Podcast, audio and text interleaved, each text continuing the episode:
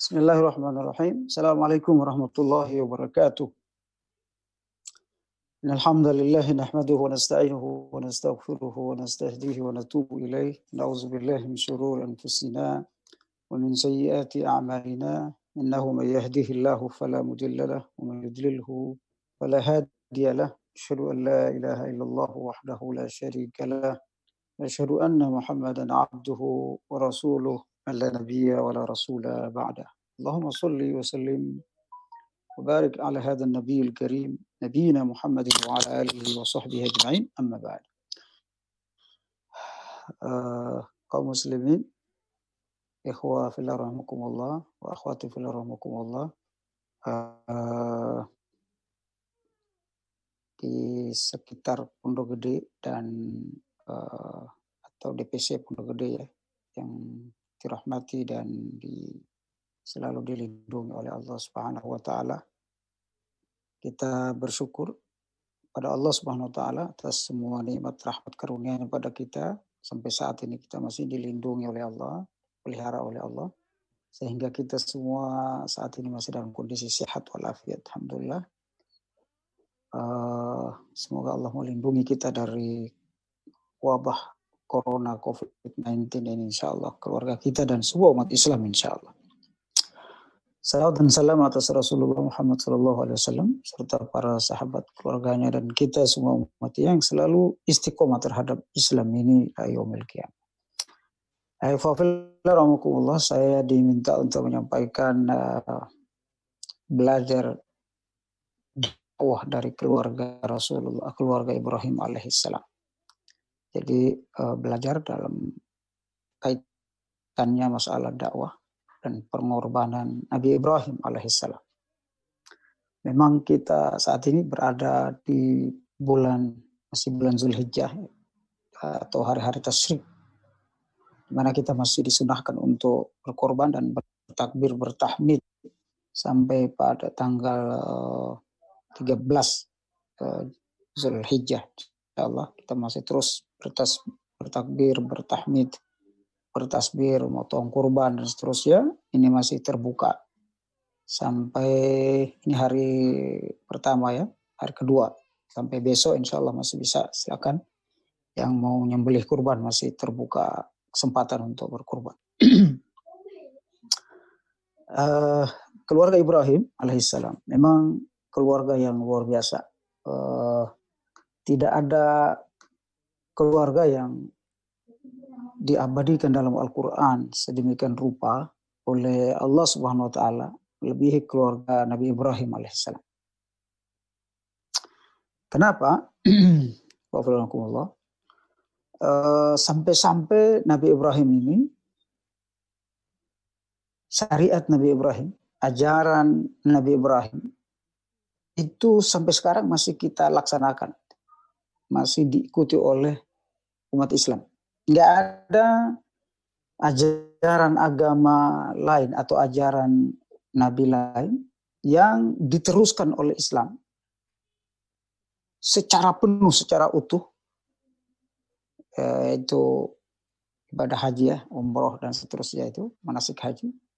Seperti syariat yang dilakukan oleh Nabi Ibrahim alaihissalam yang menunjukkan ke, ke menunjukkan posisi kedudukan Nabi Ibrahim alaihissalam dalam dalam Islam. Karena memang Ibrahim alaihissalam adalah nabi teladan dan sekali lagi yang yang kedua tidak ada dalam Islam yang kita itu disuruh mengkuduahi nabi kecuali kepada Nabi Ibrahim dan Nabi Muhammad. Kalau Nabi Muhammad kan Allah berfirman dalam surat Al-Ahzab ya laqad kana lakum fi rasulillahi uswatun hasanah. Sungguh pada diri Rasulullah SAW adalah teladan yang baik. Nah, dalam Ibrahim, kepada Nabi Ibrahim juga Allah memerintahkan hal yang serupa kepada kita umat Islam. Laqad kana lakum fi Ibrahim uswatun hasanah. Sungguh bagi kalian pada diri Ibrahim itu adalah uswah hasanah. Teladan yang luar biasa. Jadi nggak ada uh, ayat yang yang atau perintah Allah Subhanahu wa taala yang menunjukkan berteladan kepada nabi lain selain Nabi Muhammad kecuali Nabi Ibrahim. ini uh, menunjukkan kedudukan uh, Nabi Ibrahim alaihissalam di umat Islam terhadap umat Islam. Lalu yang kedua kita lihat uh, di materi ini. Uh, Ibrahim dan keluarganya. Gimana keluarga Ibrahim? Kenapa Nabi Ibrahim alaihissalam sedemikian luar biasa posisinya dalam Islam? Ya. Ini uh, jadi kalau pertama tadi tidak ada ajaran syariat yang terus berlangsung dalam Islam kecuali syariat Nabi Ibrahim. Yang kedua, tidak ada kudua, perintah kudua kepada nabi lain selain Nabi Muhammad kecuali Nabi Ibrahim alaihissalam. Yang ketiga, gak ada salawat dalam ibadah kita itu menyebut nama Nabi lain kecuali Nabi Nabi Muhammad. Yang ketiga, jadi nggak ada ibadah kita itu menyebut nama Nabi lain selain Nabi Muhammad kecuali nama Nabi Ibrahim. Ya, coba antum bersalawat, salawat Ibrahimiyah. Allahumma sholli wa sallim. barik ala sayyidina Muhammad. Kama barakta ala sayyidina Ibrahim wa ala ali sayyidina Ibrahim. Ada nggak Nabi Musa disebut, Nabi Isa disebut? Nggak ada ya. Dalam ibadah sholat kita. Tiga ini sudah luar biasa kedudukan Nabi Ibrahim dalam agama. Oleh karenanya pas benar ini benar-benar uh, tepat tema kita hari ini belajar dari keluarga Nabi Ibrahim alaihissalam. Dan keluarga Nabi Ibrahim karena pribadinya yang luar biasa. Keluarga Nabi Ibrahim itu adalah keluarga teladan. Luar biasa teladan keluarga Nabi Ibrahim alaihissalam. Dan uh, Nabi Ibrahim alaihissalam itu keluarganya itu menjadi bapak para nabi. Keluarga Nabi Ibrahim itu menjadi bapak para nabi. Nabi Muhammad itu kakeknya Nabi Ismail alaihissalam dari Adnan itu. Karena Nabi Ismail itu punya anak Adnan, seterusnya. Lalu eh, kakek Nabi Ibrahim alaihissalam, Nabi Muhammad SAW, Ismail dan Ibrahim. Sehingga Nabi Ibrahim itu dikenal dengan Abul Anbiya, bapaknya para nabi. Bapaknya para nabi. Jadi semua keluarga, keluarga nabi itu, itu adalah keturunan Nabi Ibrahim alaihissalam. Nah gimana Nabi Ibrahim itu sampai seperti itu hebatnya? Kita lihat. Uh, saya besarkan sedikit.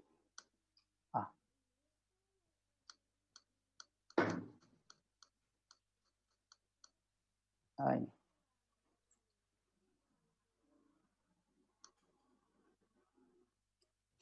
Pertama Ibrahim mulai dakwah Nabi Ibrahim mulai dari nol dakwahnya. Ya. Uh, kita lihat bagaimana Ibrahim berdakwah dari nol ini. Maksudnya adalah kalau Nabi yang lain itu melanjutkan, melanjutkan dakwah Nabi setelahnya. Kalau Nabi Zakaria itu melanjutkan Nabi uh, Nabi Musa, Nabi uh, Harun dan seterusnya. Makanya selalu disebut keluarga Harun. Ya. Nabi Zakaria, Nabi Ilyas, Nabi dan seterusnya. Kalau Nabi Ibrahim, Nabi Nuh, Nabi Adam itu, itu mulai dari nol dakwanya.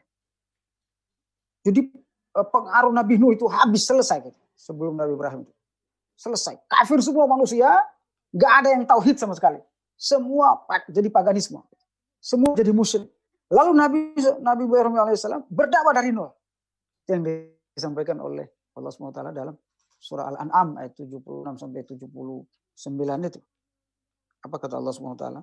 Falamma ra'a falamma ra'a al-qamara bazigan. Ya. Uh, falamma ra'a al-qamara bazigan qala hadza rabbi. Falamma afala qala la illam yahdini rabbi la akunanna minal qawmi dhalin. Nabi Ibrahim itu melihat panjang itu dari 7 sampai 9, melihat bulan, melihat matahari, melihat bintang, nyari Tuhan sendiri gitu. Ya. Eh, beda dengan Nabi Muhammad Shallallahu Alaihi Wasallam, dia sudah ada agama sebelumnya, agama Masehi yang masih murni, gitu. sehingga ketika beliau ketemu dengan kakeknya atau pamannya eh, Siti Khadijah, dia tahu ini malaikat, ini apa, ini Al Kudus, ini uh, Allah, siapa itu Allah. Bahkan kakeknya sudah kenal Allah. Tapi Nabi Ibrahim itu nggak kenal, nama pun dia nggak kenal. Jadi dakwahnya itu dari nol. Dirahmati Allah SWT. Sampai dia lihat, jangan-jangan Tuhan itu matahari, jangan-jangan Tuhan itu bulan, jangan-jangan Tuhan itu planet, bintang, dan seterusnya. Tapi dia belajar seterus, hanya dapat ketemu Allah SWT. Ini yang disebut dakwahnya itu mulai dari nol. Yang kedua, istrinya wanita satunya yang muslim saat itu. Kita ini nggak ada apa-apanya ya. Keluarga kita ini orang tuanya Islam, mertua kita Islam, mantunya Islam, semuanya Islam. Bahkan ikhwah kader gitu ya. Kalau Nabi Ibrahim alaihissalam istrinya satu-satunya muslimah, yaitu Siti Sarah waktu itu. Nabi Ibrahim itu beriman, ber, berdakwah kepada kaum Raja Namrus itu. Semua menentang kecuali dua orang, yaitu Nabi Lut dan Siti Sarah. Nabi Lut itu ponakannya Siti Sarah. Jadi ponakan eh, ponakan dan tante ini yang masuk Islam. Nah, tante itu dikawini oleh Nabi Ibrahim alaihissalam. Siti Sarah. Jadi dua orang aja masuk Islam. Bayangkan. E, lalu makanya istrinya satu-satunya muslimah saat itu dan dinikahi oleh Nabi Ibrahim. Yang ketiga, anaknya satu-satunya muslim sebelum Siti Sarah melahirkan Ishak. Jadi karena Siti Sarah itu nggak bisa melahirkan, mandul, gitu ya. Lalu kemudian uh, Nabi Ibrahim alaihissalam menikah lagi dengan Siti Hajar namanya, budaknya Siti Sarah. Nah saat itu Siti Sarah, eh, Siti Hajar itu mengikuti agama tuannya. Nah, Jadi budaknya Siti Sarah itu dikawinkan oleh istrinya, dilamarkan oleh istrinya Siti Sarah ini untuk dinikahi oleh Ibrahim alaihissalam. Namun ketika menikah cemburu Siti Sarah ini, lalu kemudian uh, Siti Hajar ini dititipkan di gurun pasir, ya, yang kemudian dikenal sekarang Mekah al Mukarramah atau Ka'bah itu. Terus kalian dari rahmati Allah SWT, gimana tuh keluarga Nabi Ibrahim Dimulai dari satu-satunya akhwat muslimah, lalu kemudian melahirkan anak juga satu-satunya muslim yaitu Nabi Ismail alaihissalam. Yang keempat, seluruh keturunannya adalah nabi dan rasul. Al-Baqarah ya. Ini kalau kita lihat dalam surah Al-Baqarah ayat 124, seluruh keturunannya Nabi Ibrahim alaihissalam itu adalah kalau uh, min zurriyati. Jadi semua keluarganya itu rasul. Keturunannya nabi dan rasul. Yang kedua,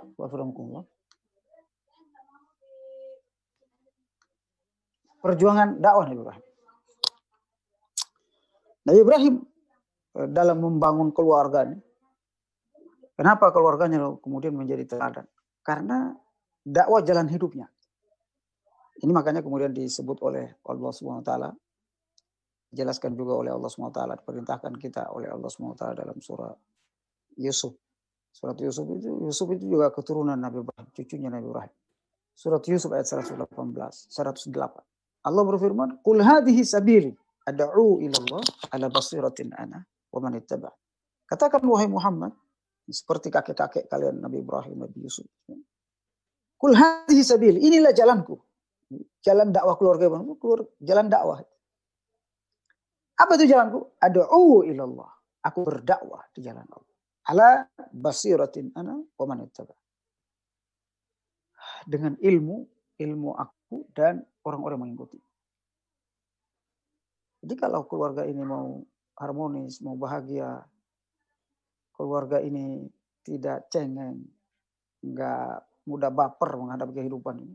Jadi kan keluarga kita keluarga dakwah karena keluarga dakwah Nabi Ibrahim alaihissalam. Ya. Nanti kita lihat bagaimana karakter keluarga dan keluarga Nabi Ibrahim. Nah, bagaimana perjuangan dakwah Nabi Ibrahim alaihissalam? Pertama, dia harus berdakwah kepada orang tuanya. Karena tadi dia mulai dari nol dakwah ini.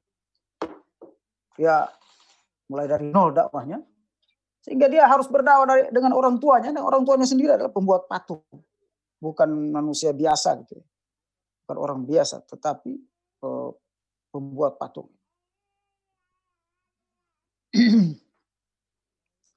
Orang Ibrahim ini disebutkan dalam Al-Quran. Wa izqala Ibrahim li abihi azara atau takhidu asnaman alih. Ada yang mengatakan pamannya, tapi yang riwayat paling kuat adalah bapaknya. Berkata Ibrahim kepada ayahnya, Azar, atau takhidu asnaman alih. Mengapa engkau menjadi mengambil patung sebagai Tuhan kalian?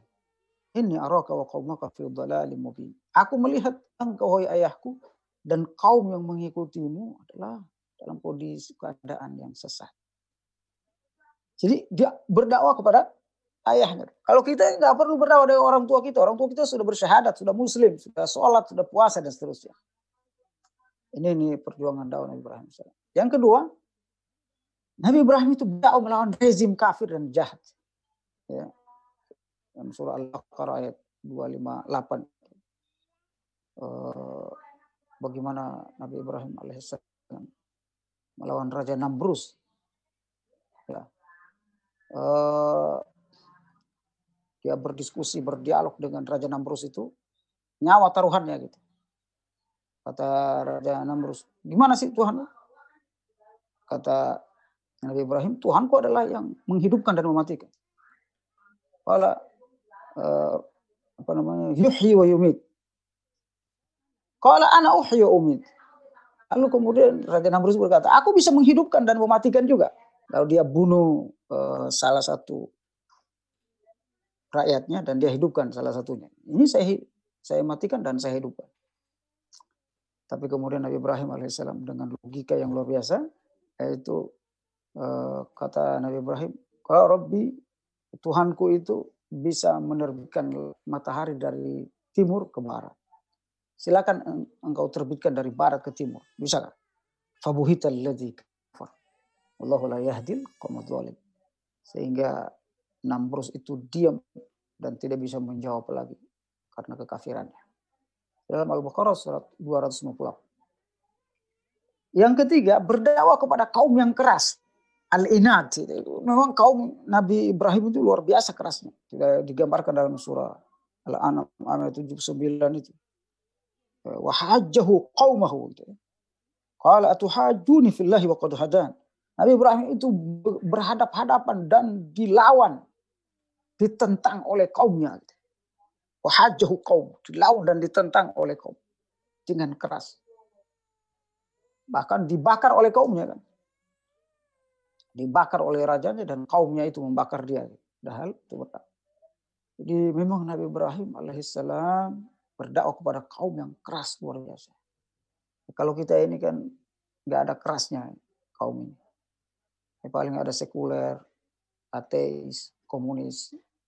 Tidak ya mereka juga memang luar biasa juga kerasnya, tetapi tidak seperti kaum Nabi Ibrahim alaihissalam. Tidak menerima logika dan seterusnya. Yang keempat, membina kader dan nabi. Jadi Nabi Ibrahim alaihissalam itu ciri khas perjuangan dakwanya itu dia melakukan kaderisasi. Jadi membina kader-kader dakwah. Eh, dan membina para nabi. Membina para nabi. Hingga Nabi Lut itu aman Nabi Lut. Beriman kepadanya Nabi Lut. Jadi Nabi Lut itu binaannya Nabi Ibrahim alaihissalam. Lalu kemudian berdakwah kepada kaum Sodom. Yang kita kenal dengan uh, kaum LGBT itu. Uh, itu binaannya Nabi Ibrahim alaihissalam. Makanya ketika para malaikat ingin mengazab kaum Sodom, kaumnya Nabi Lut itu datang dulu kepada Nabi Ibrahim alaihissalam. Ya.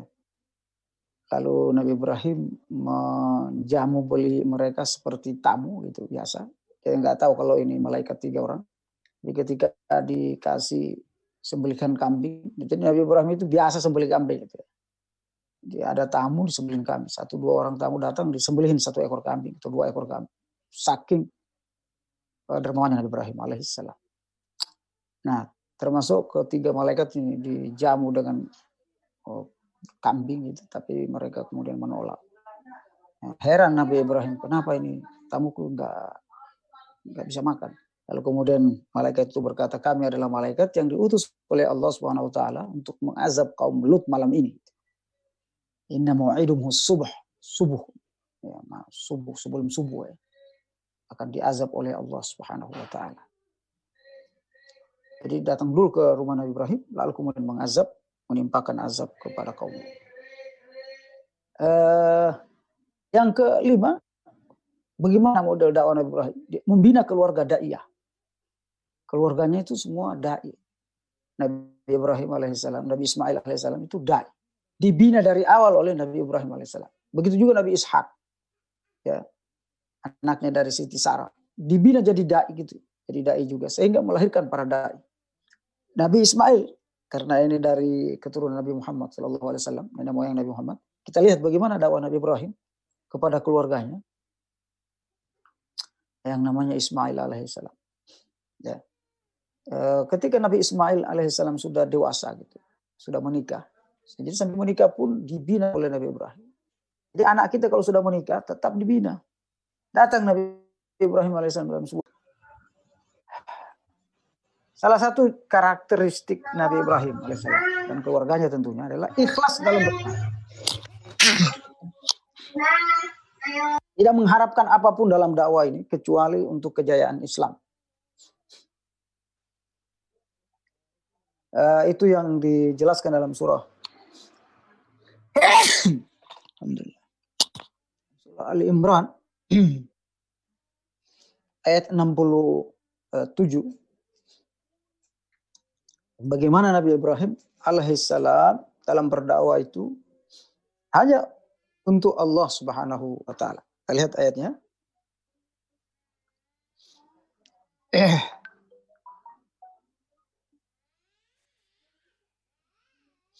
A'udzu billahi minasyaitonir rajim. Bismillahirrahmanirrahim. Wa ma kana Ibrahim Yahudiyya wala Nasraniyya. Walakin kana hanifan musliman وما كان من المشركين إن أول الناس بإبراهيم الذين اتبعوا هذا النبي الذين آمنوا والله ولي المؤمنين Jadi Nabi Ibrahim itu dipuji oleh Allah Subhanahu wa taala. Disebut oleh Allah Subhanahu wa taala hanifan musliman. Uh, keislamannya itu betul-betul bersih, murni, tidak ada kesyirikan. Dan menyerahkan diri sepenuhnya kepada Allah Subhanahu wa taala secara ikhlas. Hanifan musliman wa ma kana minal musyrikin. Ini uh, pelajaran dakwah kita ya. Ikhlas dan uh, murni dari kesyirikan. Terhindar dari kesyirikan. Ya, jangan kita termasuk ria itu kan syirik kecil ya, ria. Ikhlas itu kebalikannya dari ria. Berdakwah bekerja, melakukan apa pun, selalu ingin dilihat orang. Nah, Nabi Ibrahim tidak seperti itu. Makanya menjadi kuduah keluarganya karena Nabi Ibrahim betul-betul hanifan musliman wa maka musyrikin. Uh, yang kedua, Nabi Ibrahim memiliki iman yang kuat. Ya. Iman yang kuat dan azam yang hebat.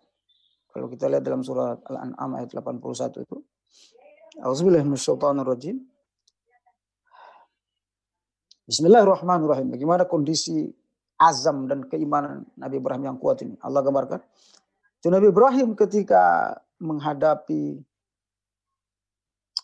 kaumnya ya, dengan itu modalnya keimanan saja, keimanan dan azam yang kuat. Kata Nabi Ibrahim, "Wa kaifa akhafu ma asyraktum wa la takhafuna annakum asyraktum billah ma lam yunazzil bihi alaikum sultana fa ayyul fariqaini ahaqqu bil amni in kuntum ta'lam ya.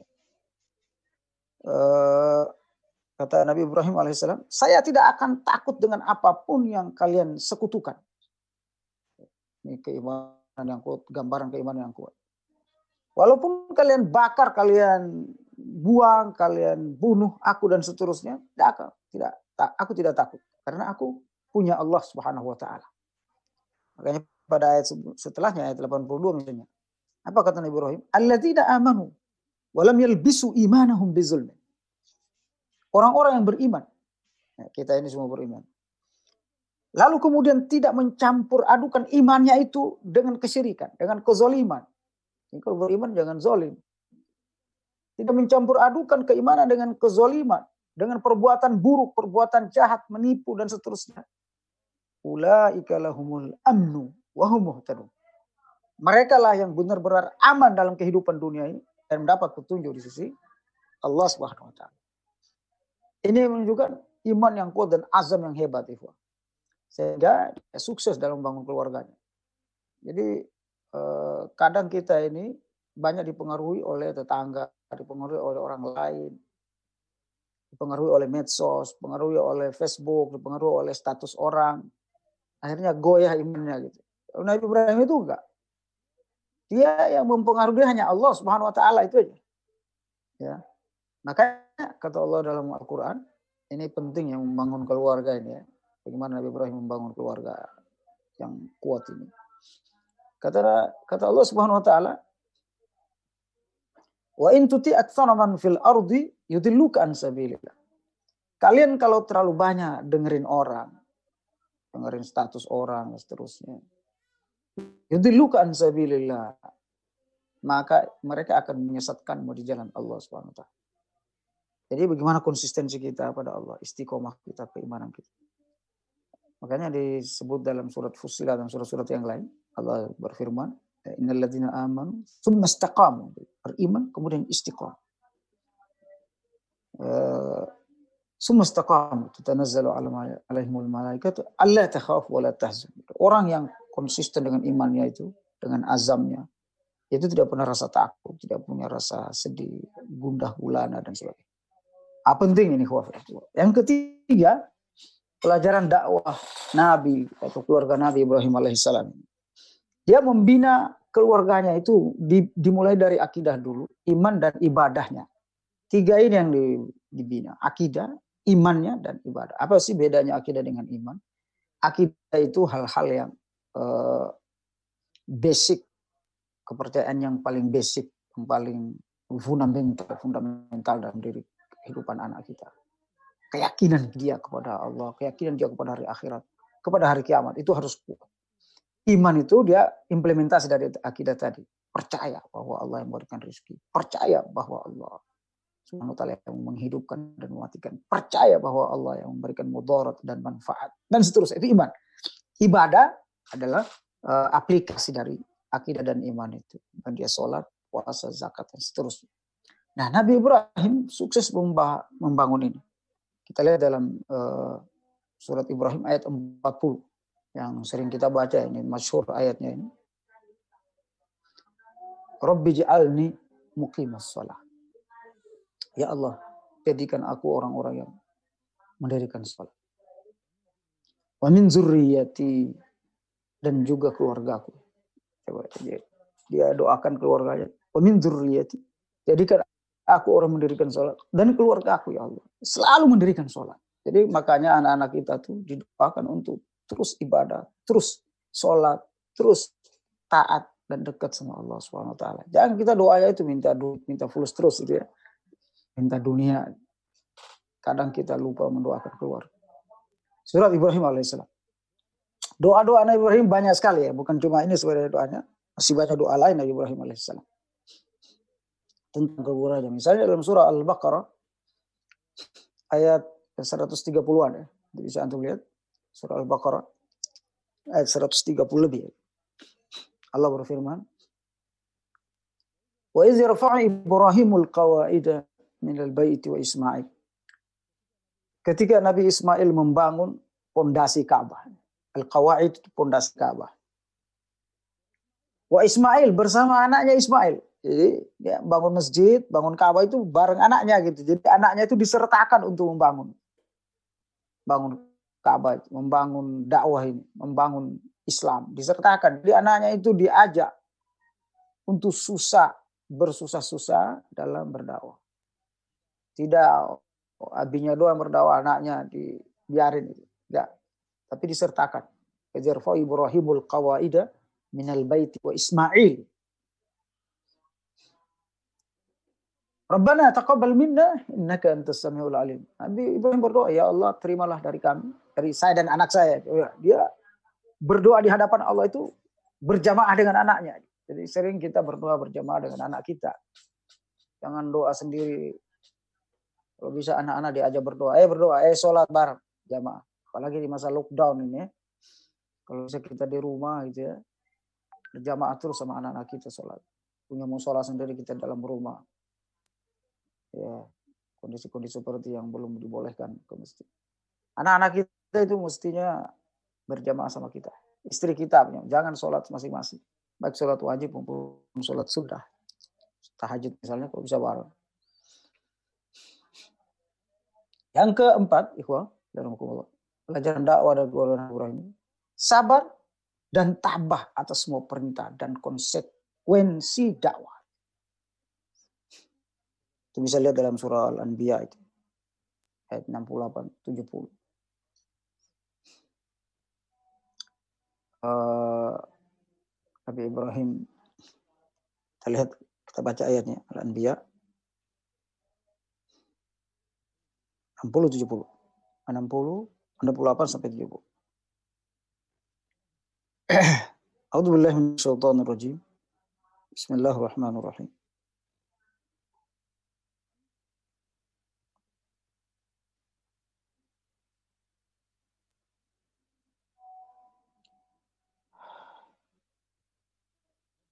Rabbi ini askantu min dzurriyyati biwadin ghaira zizara'in inda baitil inda baitikal haram Rabbana liyuqimus shalah faj'al af'idatan minan nasi tahu ilaihi. Jadi Nabi Ibrahim ini uh, rela meninggalkan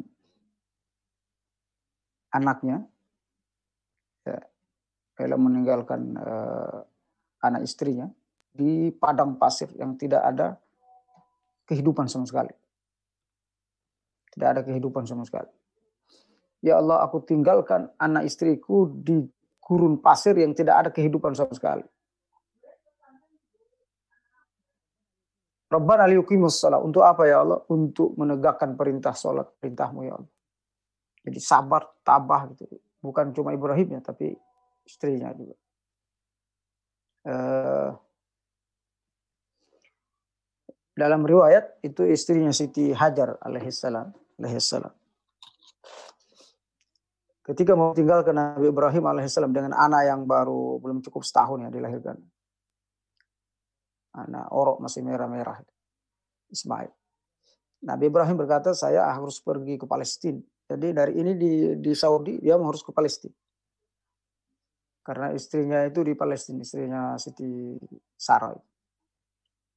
Jadi istri pertamanya di Palestina, istri keduanya di Mekah. Lalu Nabi Ibrahim bilang saya harus ke apakah ini perintah Allah?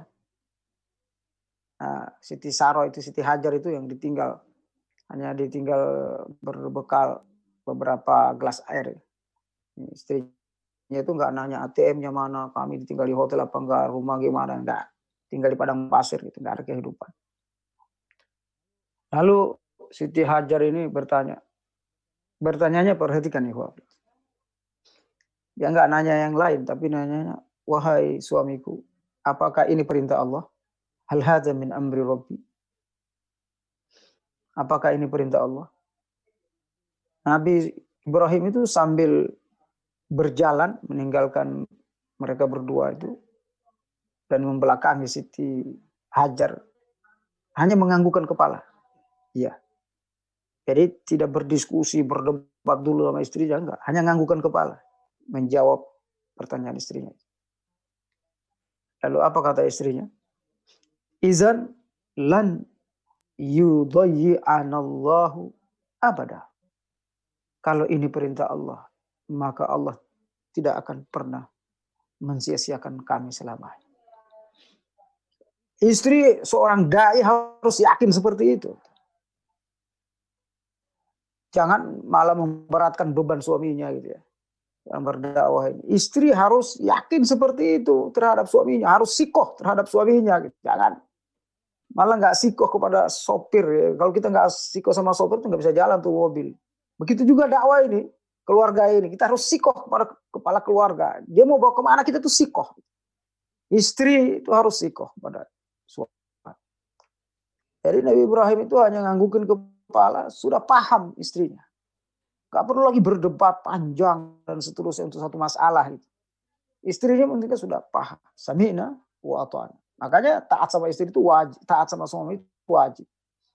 Kata Rasulullah SAW, seandainya aku ini tidak diperintahkan hanya bersujud kepada Allah, maka aku akan perintahkan setiap istri untuk sujud pada suaminya.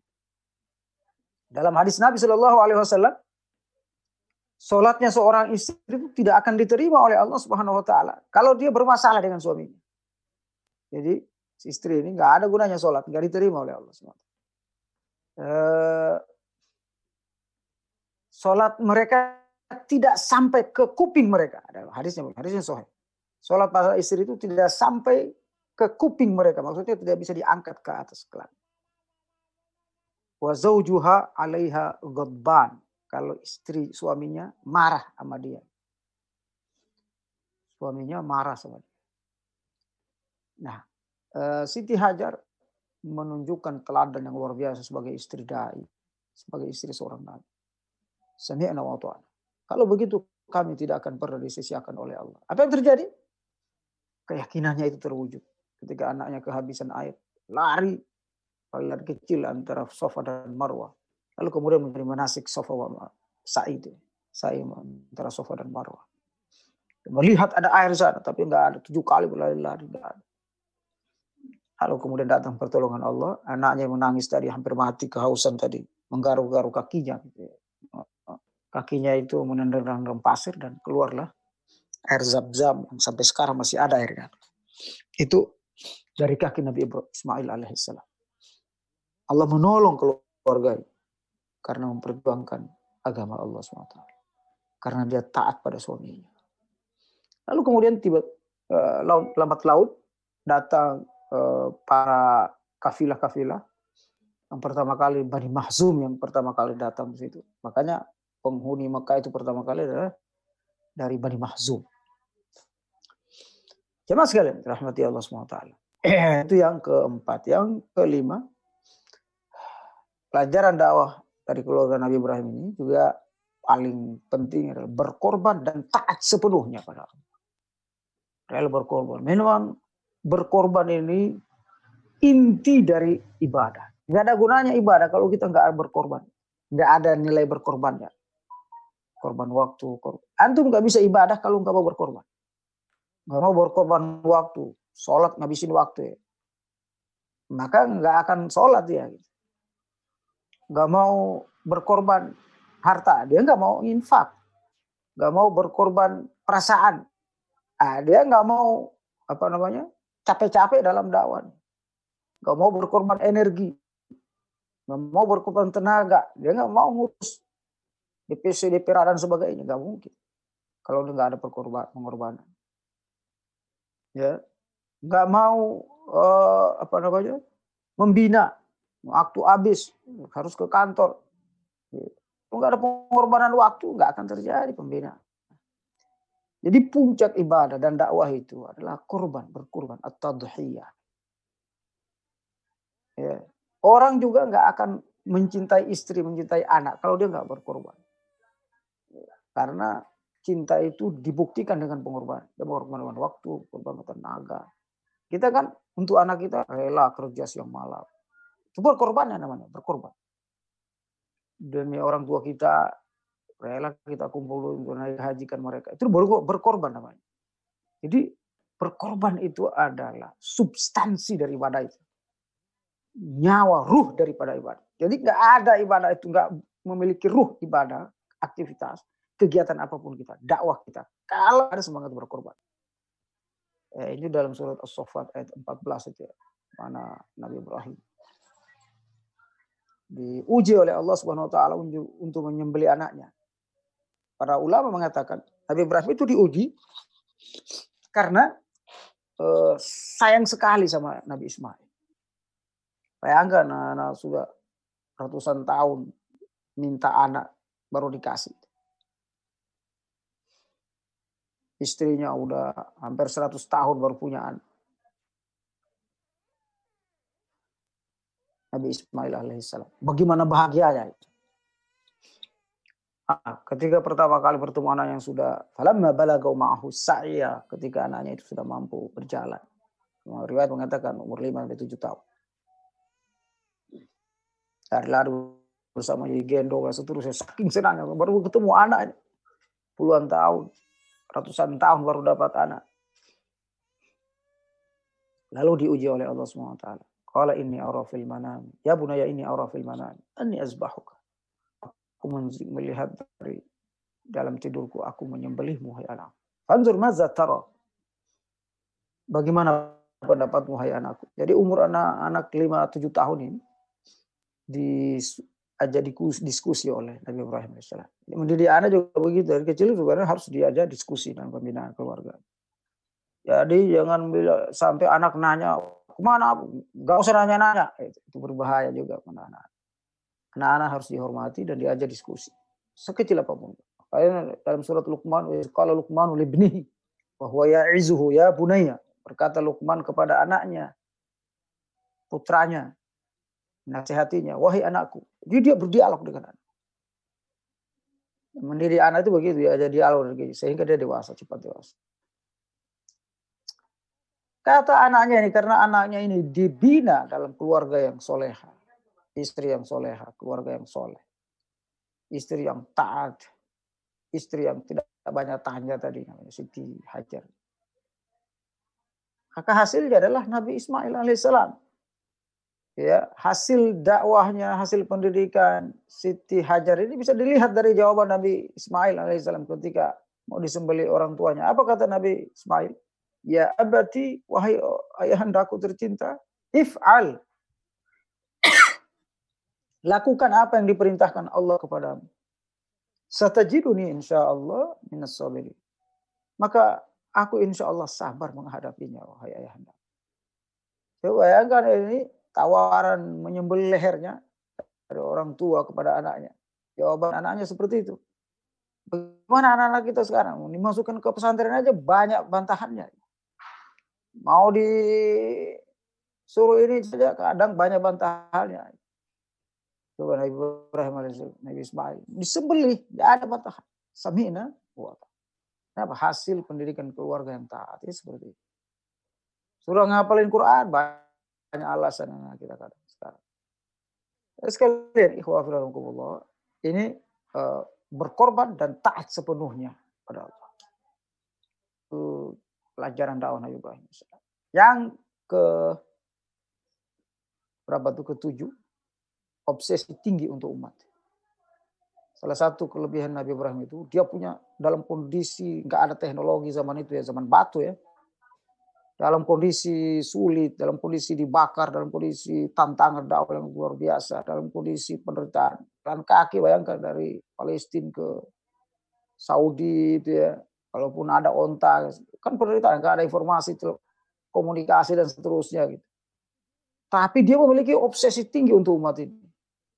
Ketika bangun Ka'bah bersama Nabi Ismail itu, dalam surah Al-Baqarah ayat 128, 128 tentu baca, apa kata Nabi Ibrahim AS? Wa izirfa'u Ibrahimul qawaida minal bait. Allah ceritakan bagaimana ketika Nabi Ibrahim dan Ismail membangun al-bait, membangun Ka'ab. Rabbana taqabbal minna. Ya Allah, terimalah apa yang kami lakukan ini ya Allah. Nah, doa berikutnya apa? Rabbana waja'alna muslimaini lak. Wahai Tuhan kami jadikan kami ini saya dan Ismail, saya dan anakku dua orang yang pasrah, yang muslim, tunduk kepadamu. Wa min zurriyatina. Dan anak-anak kami. Keturunan saya dan Ismail ini. Min zurriyatina ummatan muslimatan lak. Nanti umat menjadi umat nanti di kemudian hari yang muslim yang juga tunduk, taat, patuh kepadamu ya Allah. Wah ini obsesi tinggi Nabi Ibrahim untuk umat. Umat muslimatan muslimatan Umat yang selalu tunduk patuh. Ini kita ini sampai sekarang ini menurut Pak Ibnu Kasir alaihissalam kita itu bisa muslim kemudian naik haji punya Nabi Muhammad itu ya punya Nabi namanya Nabi Muhammad itu berkat doanya Nabi Ibrahim coba kalau nggak ada doanya Nabi Ibrahim obsesi dalam doanya itu nggak dapat Nabi Muhammad kita nggak jadi umat Islam itu para ulama begitu. Ini doanya Nabi Nabi Ibrahim alaihissalam. Sehingga kita menjadi umat Islam. Karena doa Nabi Ibrahim selanjutnya apa? Umat muslimatan lak wa arina manasikan wa tuba alaina innaka antat tawwabur rahim. Rabbana wa ba'ats fihim rasula. Itu doa Nabi Ibrahim. Ya Allah, ya Tuhanku. Utuslah kepada umat manusia di, setelah aku ini. Rasul, rasul seorang rasul. Para ahli tafsir mengatakan rasul di sini Nabi Muhammad maksudnya. Minhum yatlu alaihim ayat. Yang berasal dari mereka. Yang membaca Al-Quran, membaca ayat-ayat. Yu'alimuhum kitab wal hikmah. Dan mengajarkan hikmah, hadis maksudnya. Ya. Innaka antal azizul hakim. Sesungguhnya engkau maha uh, perkasa dan maha bijaksana. Di obsesinya itu tinggi ke depan. Jangan cuma untuk tahun ini, dua tahun, tiga tahun. Tapi dia punya program itu program jangka panjang untuk membangun peradaban. Gitu. Membangun umat. Kita juga begitu mestinya keluarga ini. Jangan cuma untuk dapat mobil, dapat rumah saja keluarga ini setelah yang penting sudah kaya harmonis. Enggak. Bagaimana keluarga ini melahirkan umat ke depan? Bagaimana keluarga kita ini membangun peradaban Islam ke depan gitu. Bukan cuma untuk kita. Karena kita ini usianya kan terbatas, paling 60 70 tahun selesai berganti generasi. Gimana pergantian generasi itu terjadi generasi yang lebih hebat dari kita saat ini. Itu yang dipikirkan sebuah keluarga dai. Dan yang terakhir, takarrub dan doa setiap saat. Nabi Ibrahim itu doanya paling banyak dalam Al-Quran. Bahkan doanya itu kita tiru. Diajarkan oleh Nabi Muhammad SAW kepada kita untuk berdoa. Doanya Nabi Ibrahim AS. Ya. Uh, Rabbi, Rabbi habli milladunka rahmatan dan seterusnya Rabbana Rabbana uh, Rabbana jumu Rabbana waj'alni muqimas shalah wa min dzurriyyati Rabbana taqabbal doa. Dan seterusnya doa Nabi Ibrahim itu luar biasa. Dan ini rahasia Nabi Ibrahim. Selalu takarrub kepada Allah. Selalu dia berdiskusi, curhat sama Allah Subhanahu wa taala, bukan dengan orang lain, bukan dengan manusia. Alhamdulillah, ini barangkali yang bisa Anda sampaikan untuk membangun keluarga ini seperti keluarga Nabi Ibrahim, khususnya keluarga dakwah Nabi Ibrahim alaihissalam. Semoga ini ada manfaatnya. Kalau ada diskusi, tafadhol. Jazakumullah khairan. Assalamualaikum warahmatullahi wabarakatuh. Waalaikumsalam warahmatullahi wabarakatuh.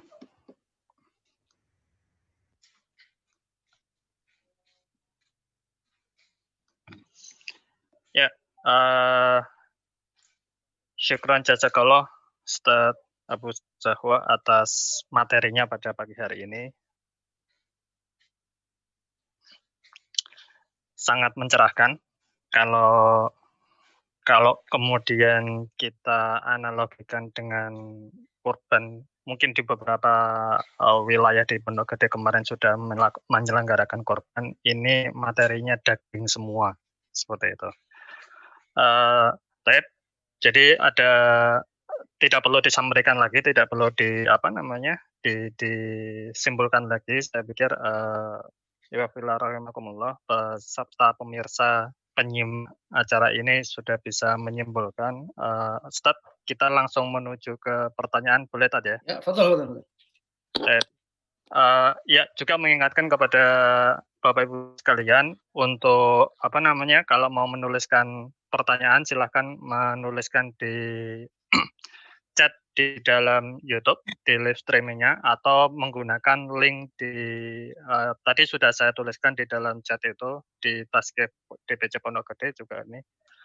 Di live chat saya tidak melihat ada pertanyaan adanya di di apa namanya ini apa sih namanya chat untuk bertanya Ustaz, ini ada pertanyaan dari salah satu uh, pendengar atau pemirsa kita. Uh, ya.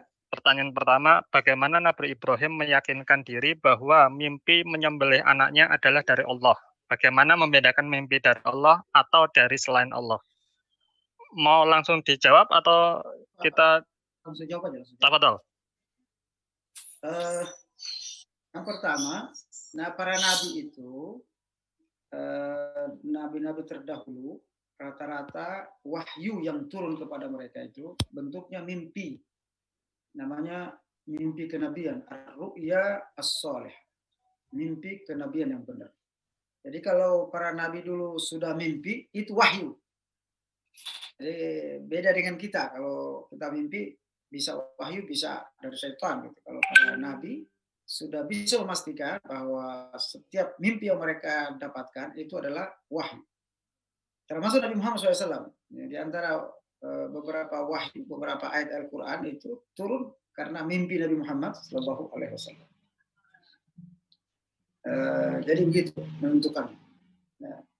Uh, tidak perlu ragu dia dengan mimpi itu karena itu sudah menjadi SOP kenabian zaman dulu bahwa kalau mimpi itu berarti uh, Allah memberikan wahyu kepada. Lalu yang kedua biasanya uh, dari Jibril. Wahyu itu dari Jibril. Jadi Jibril itu bukan hanya menyampaikan wahyu untuk Nabi Muhammad, tetapi juga menyampaikan wahyu untuk para nabi yang lain termasuk Nabi Ibrahim alaihissalam. Demikian Allah Saya uh, pertanyaan kedua dari yang menuliskan dari ikhwah pemirsa ini. Assalamualaikum Ustaz. Ya. Mengapa yang berkorban dilarang memotong kuku rambut?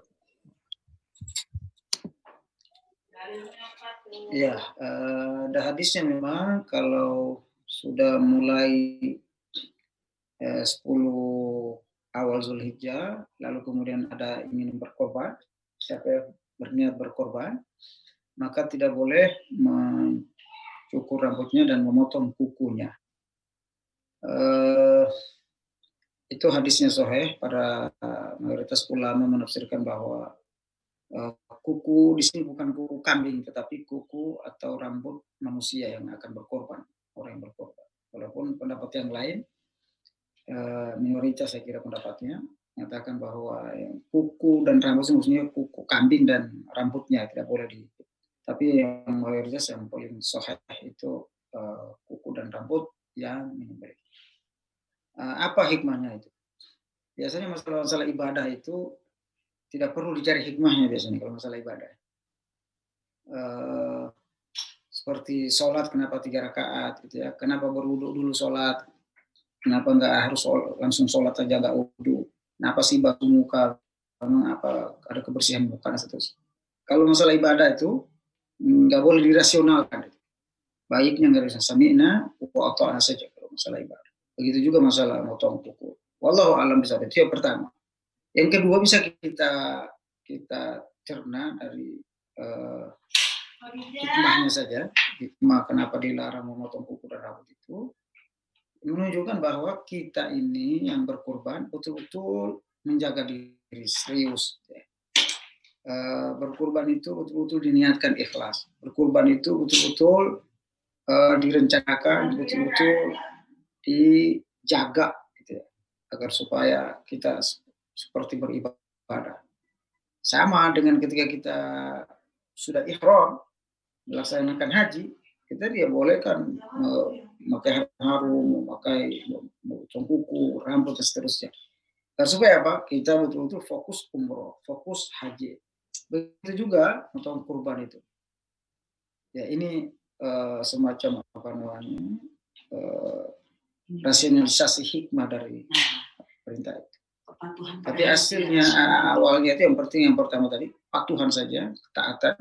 Kalau namanya ibadah, nggak boleh dirasionalisasi. Walaupun tidak rasional. Walaupun tidak rasional kelihatan. Alam Ini kita cuma lima orang ya. Oh, banyak tat. Oh, di YouTube kan? Ini pemirsa streamingnya di YouTube uh, ada 122 akun. Oh, Masya Allah. Ada Jadi, 100. Di Zoom cuma enam saja, lima orang.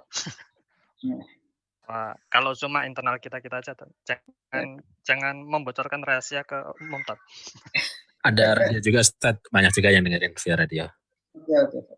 Kita streaming streaming ini ke YouTube ada 125 akun. Kita ngitungnya akun 126 ya. sekarang. Uh, mungkin dalam suatu akun bisa ada satu keluarga mewakili, kemudian juga ada radio. Jadi Eva Villa sekalian, sebenarnya kita lebih banyak dari angka yang tercantum di dalam akun YouTube. Tat, lanjut ke pertanyaan berikutnya, Tat ya. Um, saya bahwa kita mungkin lebih banyak melaksanakan syariat, fikih seperti itu. Adapun ketika ada hikmah ya mari kita ambil sebagai pelajaran. Pertanyaan berikutnya, Tat, uh, apakah ajaran Nabi Ibrahim yang menjadi ritual haji itu sama seperti pelaksanaan haji sekarang? Eh, sebagian besar pokok manasiknya sama dengan Nabi Ibrahim. yang dilakukan oleh Nabi Ibrahim. Di antaranya uh, uh, apa namanya sa'i, uh, tawaf, kemudian uh, melempar jumrah, uh, memotong dam kurban dan seterusnya. Itu mengikuti Nabi Ibrahim alaihissalam. Lalu wukuf di Arafah ini di ini ada dari Nabi Shallallahu Alaihi Wasallam dari dari dari Allah Subhanahu Wa Taala ya.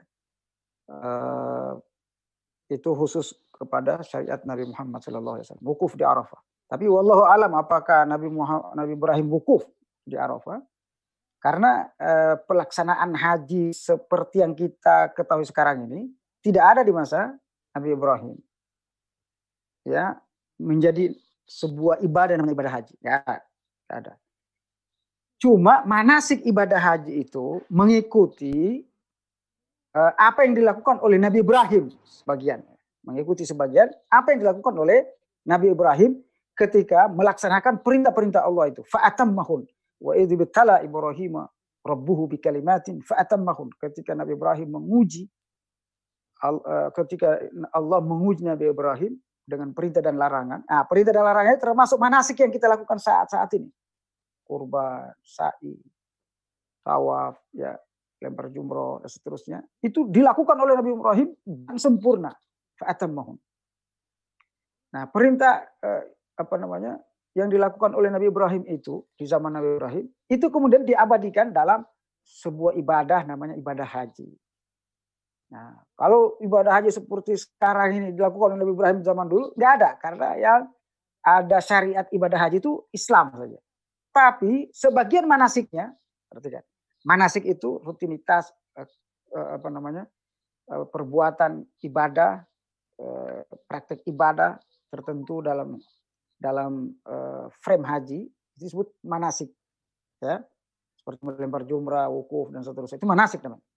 Nah, sebagian manasik itu adalah mengambil dari perjalanan hidup Nabi Ibrahim alaihissalam ketika melaksanakan perintah Allah itu.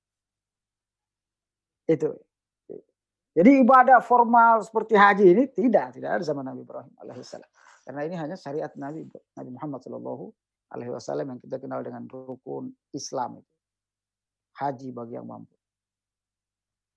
Eh, demikian. Tepat. Lanjut ke pertanyaan berikutnya. Ini ada dua pertanyaan yang kurang lebih sama dan bisa disambungin. Eh, Afwan, untuk yang bertanya saya gabungkan ya. Eh, yang yang pertama adalah bahwa Nabi Ibrahim itu sering berdakwah keluar dan meninggalkan keluarga.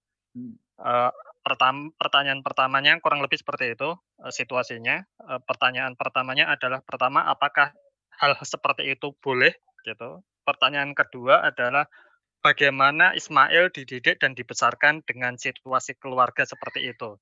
Artinya uh, ayah bapak lebih keluar seperti itu. Kurang lebih yang saya tangkap seperti itu. Ya. Betul, betul.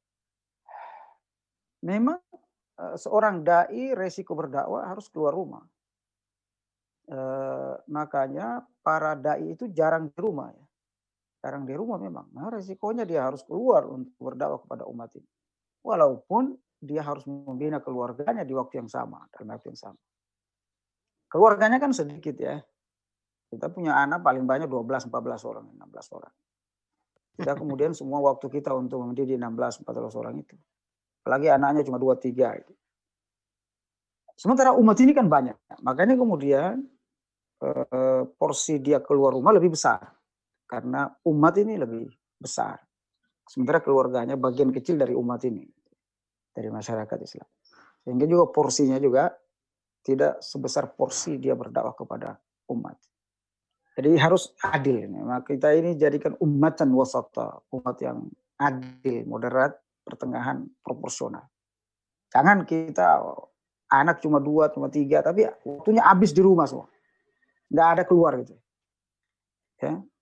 E, makanya dalam Islam, ya alladzina amanu, disebut dalam Al-Quran ya. Alladzina amanu, al-adlukum ala tijaratin, tunjikum nazalim, tu'minu billahi wa rasulih, tujahiduna fi sabilillah ya mualikum anfusikum gitu ya keluar ke jalan Allah tujahid berjihad di jalan Allah nah, di jalan itu ya pergi ya keluar jihad di jalan Allah subhanahu wa taala Ya mualikum anfusikum dengan harta dan jiwa. Gitu.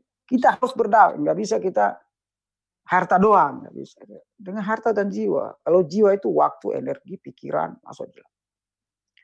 Uh, lalu bagaimana kemudian uh, cara Nabi Ibrahim membina Nabi uh, Ismail dengan sering keluar begitu? Ah, ini perhatikan. Ternyata rata-rata para nabi itu dididik pendidikan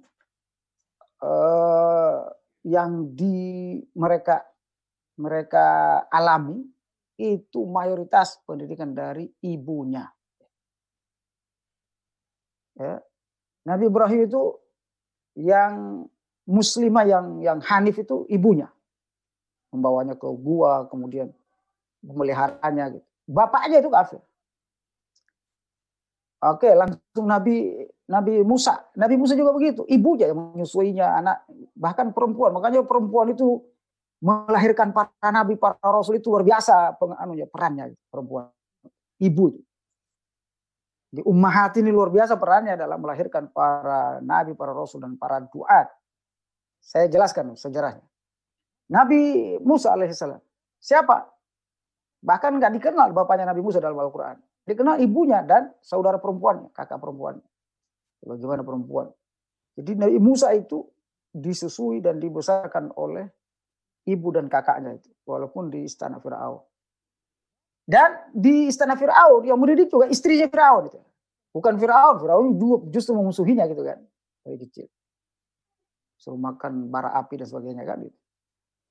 Lalu Nabi uh, Nabi Muhammad alaihissalam Ya, Nabi Muhammad ya baru baru hamil itu meninggal ibunya, eh, meninggal bapaknya. Yang mendidiknya selama dua tahun itu ibunya. Usia dua tahun lebih meninggal ibunya, baru orang lain. Terus Nabi Ismail alaihissalam. Itu juga Nabi Ismail alaihissalam. Ditinggal Nabi Ibrahim alaihissalam. Berdakwah di Palestina, berdakwah di Mesir. Ya, Nabi Ibrahim itu dakwanya internasional zaman dulu. Gitu ya. Di Palestina, di Sodom di Sodom itu di ini sekarang Jordan ya, Jordania di Palestina, di Syria, di Mesir, sampai ke Mekah. Itu dakwanya Nabi Ibrahim. Jauhlah dakwanya itu jauh. Makanya dia sering meninggalkan istrinya itu, anak istrinya itu. Jadi bukan Nabi Ibrahim keluar begitu saja, dia keluar berdakwah. Luar negeri dakwanya. Jadi Jordania, di Palestina, di Mesir, ya eh, sampai ke Saudi dakwahnya Nabi Ibrahim alaihissalam. Makanya dia tinggalkan anaknya itu. Siapa mendiri Nabi Ibrahim, Nabi Ismail sehingga jadi Nabi? Ibunya Siti Hajar.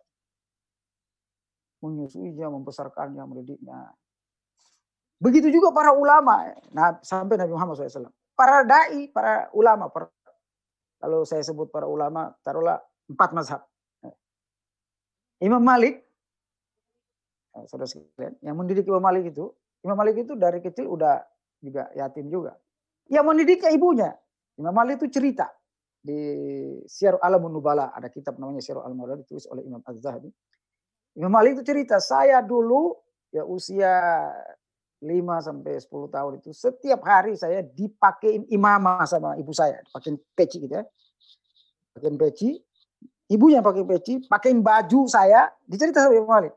Pakein suruh pakai apa namanya? Eh, pakai gamis saya dipakai, lalu pakai surban itu untuk mengaji, mendengar hadis, mendengar Quran, tahfiz Quran ke imam-imam di mazhabnya, di, maz, di zamannya, ustadz-ustadz di zamannya, ulama-ulama di zamannya. Kata Imam Malik itu, saya sering gitu. Orang tua saya pakai baju. Jadi ibunya yang membuat dia jadi imam. Imam Syafi'i juga gitu. Dari kecil udah yatim. Dididik oleh ibunya. Ibunya itu orang Palestina, orang Gaza itu Palestina ibunya. Bapaknya juga orang Gaza. Makanya Imam Syafi'i itu asli Gaza. Orang Gaza itu cerdas-cerdas. Sekarang ada orang dari Gaza, dari Palestina, namanya Abdullah, Abdurrahman, itu di Saudi sekarang, menghafal umur 14 tahun, hafal Quran 30 juz, hafal uh, Bukhari Muslim, dan semua kitab hadis yang antum kenal, ada sekitar 20 kitab hadis dari Bukhari, Muslim, An-Nasai, Abu Dawud, Tirmidzi seterusnya. Itu dihafal semua sama dia umur 14 tahun. Itu anak-anak dari Palestina baru saya. Antum bisa lihat di YouTube. Mereka siapa yang mendidik? Orang tuanya, ibunya. Gitu. Nabi, eh, begitu juga imam-imam yang lain. ya seperti Syekh Abdul Qadir Jailani itu ibunya juga. Ibunya itu menjahitkan kantung. Kantung bekalnya untuk ibadah untuk sekolah itu. Sampai dia ceritakan begitu. Jadikan baju tambalin bajunya. Itu ibunya semua merawat mereka sampai mereka jadi ulama besar. Jadi memang pendidikan anak itu ibu seorang ibu. Makanya kita ini nyari istri jangan sembarangan karena dia akan mendidik anak kita mencetak anak kita jadi apa ntar ke depan? Makanya dalam Islam wajib memilih jodoh istri yang soleha. Tunkahul mar'atu li arba'in. Wanita itu dinikahi hanya empat saja alasannya. Kalau enggak enggak usah nikahin. Oh ini keras ini Ustaz. Begitu hadis ya dinikahi wanita itu karena empat hal. Makanya kita perempuan itu harus memiliki empat hal ini. Salah satunya. Misal yang pertama uh, wali jamaliha karena cantiknya. Ada parasnya bisa menarik lah dilihat. Yang kedua karena keluarganya, keluarga wali nasabiha, nasabnya benar bagus. Bukan keluarga pencuri, bukan keluarga musyrik. Terus wali maliha dia punya uh, potensi harta itu ya. Bisa bekerja bisa berusaha. Baru walidini karena agama. Fazfar bizati din kata Rasulullah SAW pilih yang agamanya benar penekanan Nabi pilih yang agamanya benar pilih agamanya yang bagus. Jadi pilih istri. Penting sekali. Jadi anak-anak kita ini yang sudah gede laki-laki harus hati-hati dia milih istri. Kenapa? Karena istrinya lagi yang akan mencetak generasi-generasi robani para dai ke depan. Istri kita. Karena kita ini udah kerja kantor, udah keluar cari nafkah, belum dakwah lagi, sangat sedikit waktu kita di rumah. Yang mendidik siapa? Ibunya, istri kita. Makanya istri kita itu kalau bisa jangan kerja. Makanya di dalam Islam itu mencari nafkah itu bukan perempuan. Mencari nafkah itu bukan ibu-ibu, bukan istri, tapi suami mencari nafkah yang wajib. Istri itu kewajiban mendidik anak, melayani suami di rumah, itu aja sehingga mereka akan menjadi keluarga-keluarga dai. Wallah alam bisa. Barangkali demikian. Aida. Saya lanjut ke pertanyaan berikutnya. Ini pertanyaannya kebanyakan pakai nama anonimus, jadi nggak kelihatan namanya. Oh, iya. Jadi tidak disebutkan namanya. Apa? Uh, saya urutkan saja ya. Uh, saat ini ada pendapat yang menyatakan bahwa agama samawi, uh, Islam, Yahudi, dan Nasrani uh, itu sama karena dianggap melanjutkan agama Ibrahim. Bagaimana pendapat Ustaz? Yang pertama, agama samawi itu uh, adalah agama yang diturunkan oleh Allah Swt lewat wahyu kepada para nabinya. Uh, seperti agama Yahudi, Nasrani dan agama Sobi Sobi'iyun namanya. Sobi'in dalam Al-Quran. Tiga itu. Lalu kemudian agama ini berubah nama dan berubah ajarannya. Karena pengikutnya menyelewengkan ajaran-ajaran itu, menyelewengkan kitab-kitab suci yang diturunkan kepada mereka. Uh, makanya kemudian berbeda pendapat para ulama. Sebenarnya nggak ada agama samawi kecuali Islam. Kenapa? Karena agama samawi itu benar-benar dari langit, dari turun dari langit itu dari wahyu dari Allah Subhanahu wa taala yang tidak ada campur tangan manusia di dalamnya. Nah, dan itu hanya kriteria ini hanya masuk pada Islam saja ya. Hanya bisa kepada Islam saja. Ada pula Nasrani, Yahudi, sampai itu bukan agama samawi lagi gitu. Sudah menjadi agama ardi karena sudah di mengalami distorsi, mengalami penyelewengan, penyimpangan dan sebagainya. Pendapat yang kedua eh, masih dikatakan samawi agama tiga itu karena eh, sedikitnya paling tidak mereka eh, bertuhan kepada Allah, Allah gitu ya, walaupun disebutnya Allah. Tapi kemudian mereka memusyrikan diri, mensekutukan Allah SWT dengan yang lain, dengan roh kudus, dengan anak, bapak, ibu, dan seterusnya. Nah, tapi inti agamanya mereka sebelumnya adalah dari Allah. Jadi dua pendapat itu.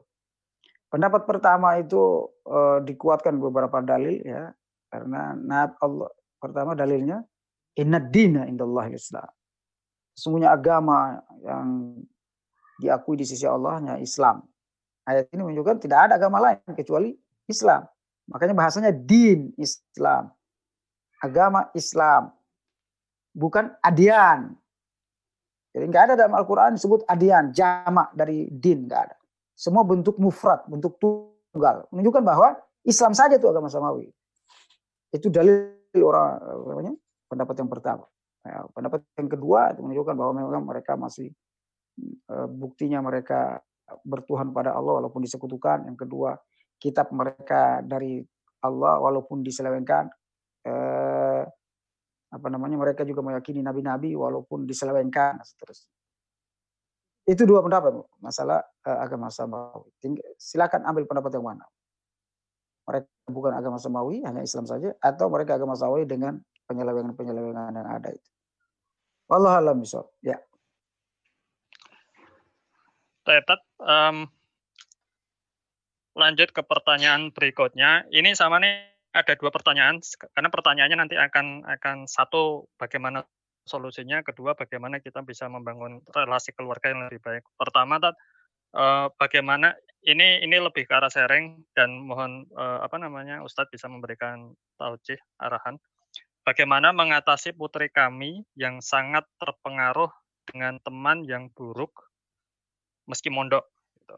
sehingga menjadi pencinta Instagram, boyband Korea dan seterusnya seperti itu bahkan sampai malas ibadah. Tetapi masalahnya juga marah jika dinasihati.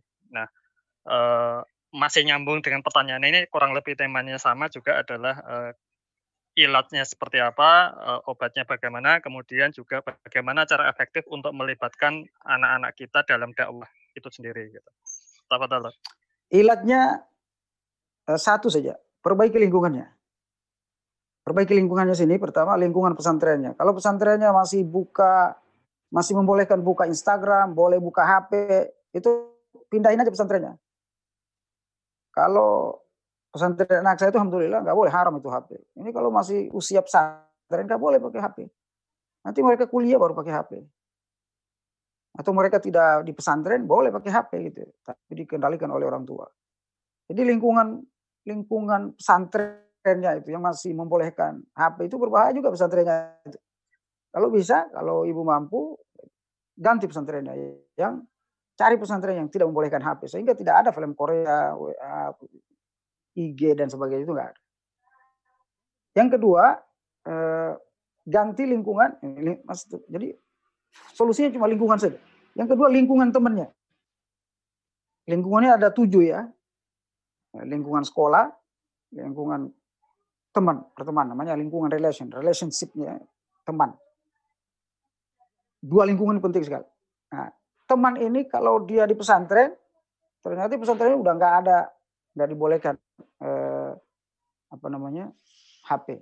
Tapi karena temannya ini kurang bagus, maka anak saya jadi temannya diganti. Jangan kalau bisa bertemu dengan pesantrennya, kalau bisa jangan anak saya satu kamar, satu ruangan dengan anak itu. Jadi temannya di memang mendidik anak itu lingkungan yang paling mempengaruhi. Anak-anak itu kalau usia SD sampai SMA, dia 75% karakternya dipengaruhi oleh teman. Lalu psikologi pendidikan. 75%. Makanya solusi satunya menurut saya itu lingkungannya dibenarin. Lingkungannya.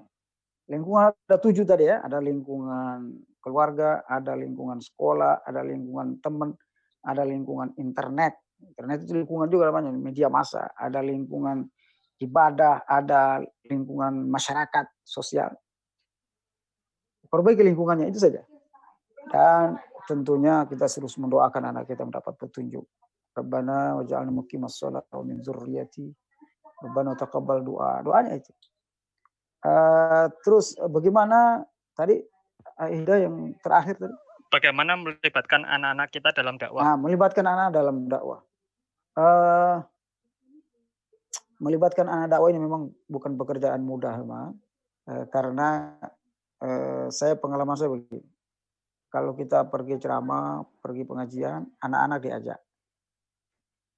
Ajak aja itu anak-anak ya. Cuma kadang anak-anak nggak mau sudah usia tertentu.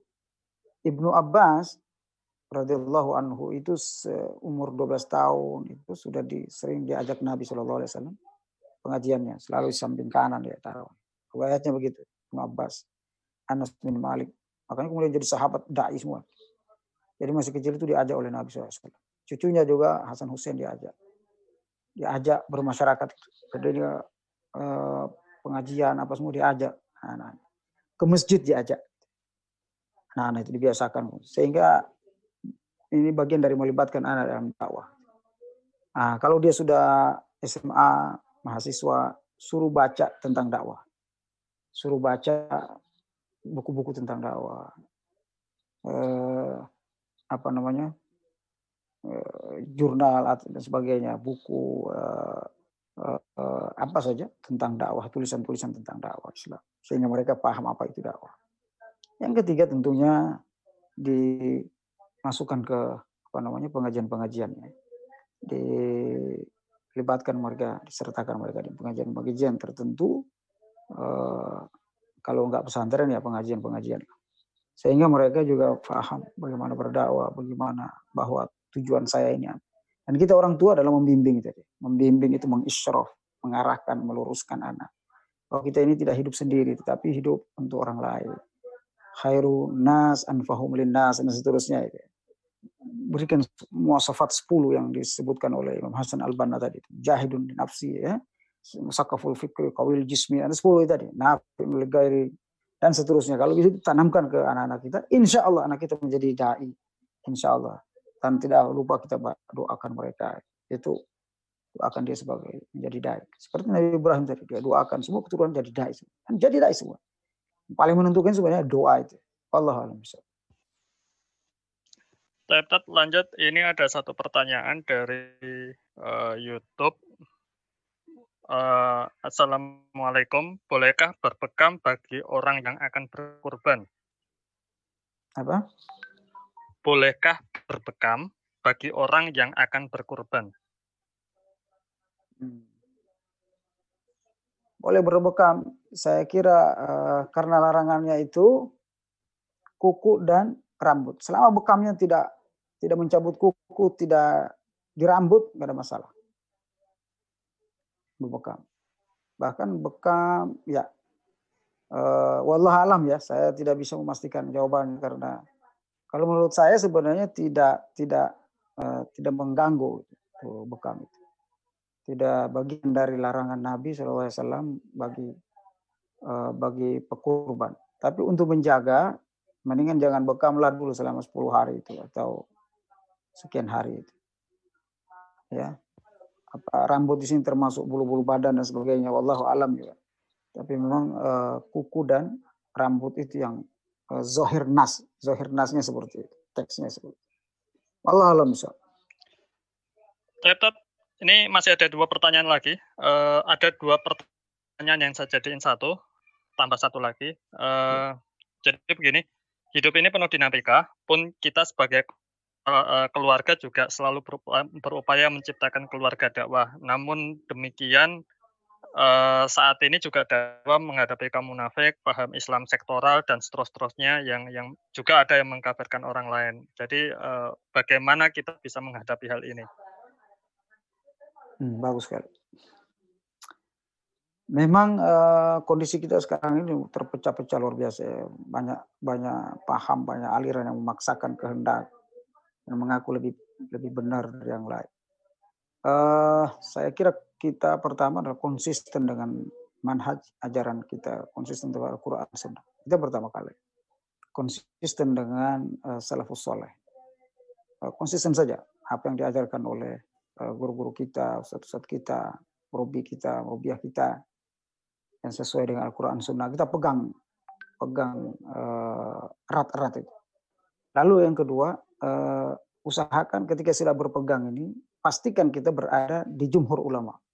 Jumhur ulama, mayoritas ulama, mayoritas umat. Kata Rasulullah SAW, alaikum bisawadil a'zam. Dan berada pada jumhur manusia. Kelompok gerbong utama umat. Gerbong utama. Abdu alaiha bin nawajis. Gigit ya dengan geraham. Uh, Lalu kemudian kata Rasulullah SAW dalam hadis yang lain, Alaikum bisami wa ta'a, hendaknya kalian tetap uh, mendengar dan taat, walau abdan habasiyin, walaupun kalian dipimpin oleh hamba sahaya dari Habsyi. Hamba sahaya, jadi ngelihat orangnya, tapi ngelihat kalau dia pimpinan kita, kiadah kita, abdu ilahi, pegang rata-rata. Uh, di hadis yang lain, uh, taraktu fikum amrayni man tamassaktum bihima dan tadillu abada kitabullah wa sunnah. Aku tinggalkan bagi kalian dua hal, dua dua warisan. Apabila kalian berpegang teguh pada dua warisan ini, maka kalian akan tidak akan sesat selama-lamanya. Apa itu? Quran dan hadis, sunnah Nabi. Kita kuasai Quran, jangan dibola balik. Quran saja, aku enggak hadis enggak. Atau sunnah saja, tapi Quran enggak. Kadang itu seperti sekarang. Jadi ada klaim orang-orang yang lebih sunnah, yang lebih benar itu eh, tidak bisa menjadi patokan kita. Karena para ulama sepakat kebenaran itu tidak diukur dari rijal. Ya. Kebenaran itu tidak diukur dari orang-orang. Karena ustadz ini di sana pasti benar. Enggak. Tapi sebaliknya, orang itu diukur dari kebenaran, dari Al-Quran dan hadis. ya. Kalau Ustadz itu ikut Quran Sunnah, dia benar. Bukan sebaliknya ya. Kalau sudah orang itu apa namanya kebenaran itu ikut orang, ya. tapi kita ikut Quran Sunnah. Kebenaran itu bukan ikut orang, tapi ikut Allah dan Rasul. Uh, yang terakhir, kita yep. disuruh oleh Allah swt untuk berpegang teguh pada manhaj wasati, manhaj moderat, manhaj wasati. Wa kadzalika ja'alnakum ummatan wasata kami jadikan kalian umat yang moderat, pertengahan, adil, seimbang, proporsional, tidak ekstrim kanan, tidak ekstrim kiri, tidak liberal juga tidak ekstrim, ekstremis. Kita pertengahan, ya. Khairul umuri ausatuha kata para salafus soleh. Sebaik-baik urusan adalah pertengahan. Yang terlalu ekstrim, mudah-mudahan kafir, mudah-mudahan membedakan dan seterusnya ekstrim, terlalu ekstrim. Kalau nggak begini nggak benar itu ekstrim.